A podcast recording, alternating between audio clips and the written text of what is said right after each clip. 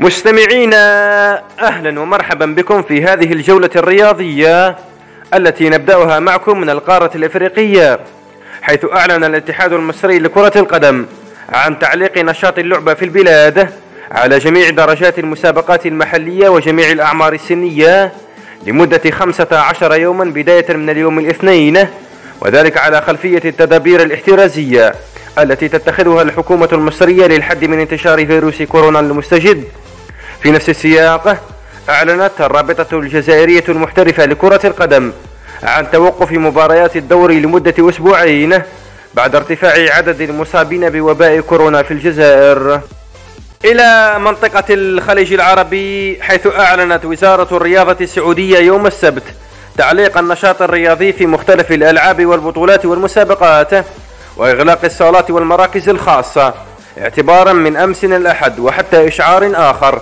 على خلفية فيروس كورونا المستجد كما أعلنت اللجنة الأولمبية القطرية يوم السبت عن إيقاف جميع الأنشطة الرياضية المحلية حتى التاسع والعشرين من الشهر الجاري للحد من انتشار فيروس كورونا.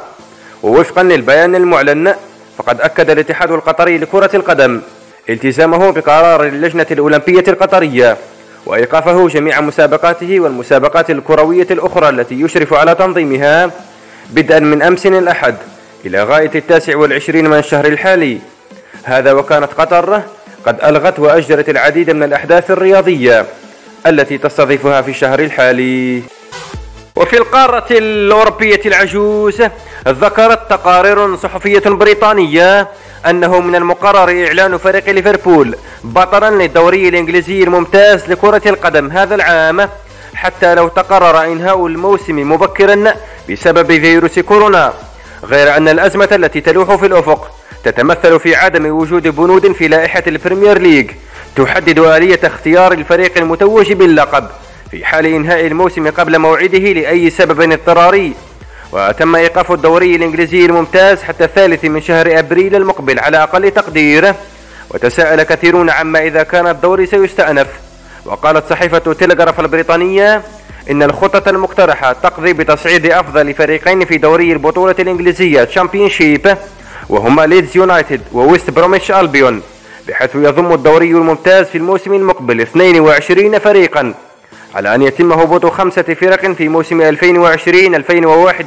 من البريمير ليج ومن كرة القدم إلى ألعاب القوى حيث أعلن الاتحاد الدولي لألعاب القوى يوم الخميس الماضي أن عشرة رياضيين روس كحد أقصى سيسمح لهم بالمشاركة تحت علم محايد في دورة الألعاب الأولمبية الصيفية المقررة في طوكيو الصيف المقبل.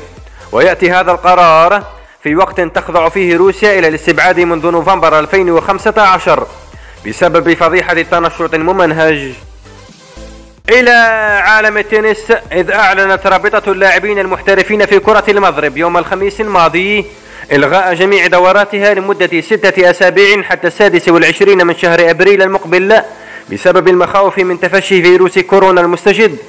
وكتبت الرابطة في بيان لها بعد الإلغاء الأخير لدورة إنديان ويلز فالدورات المعنية بالقرار الجديد هي ميامي وهيوستن ومراكش ومونتي كارلو وبرشلونة وبودابست.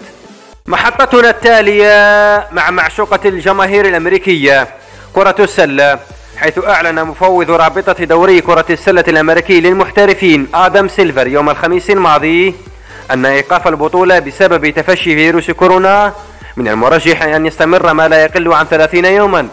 وقال سيلفر لقناة TNT الأمريكية ما قررناه اليوم هو أن هذا التوقف سيكون على الأغلب 30 يوما على الأقل.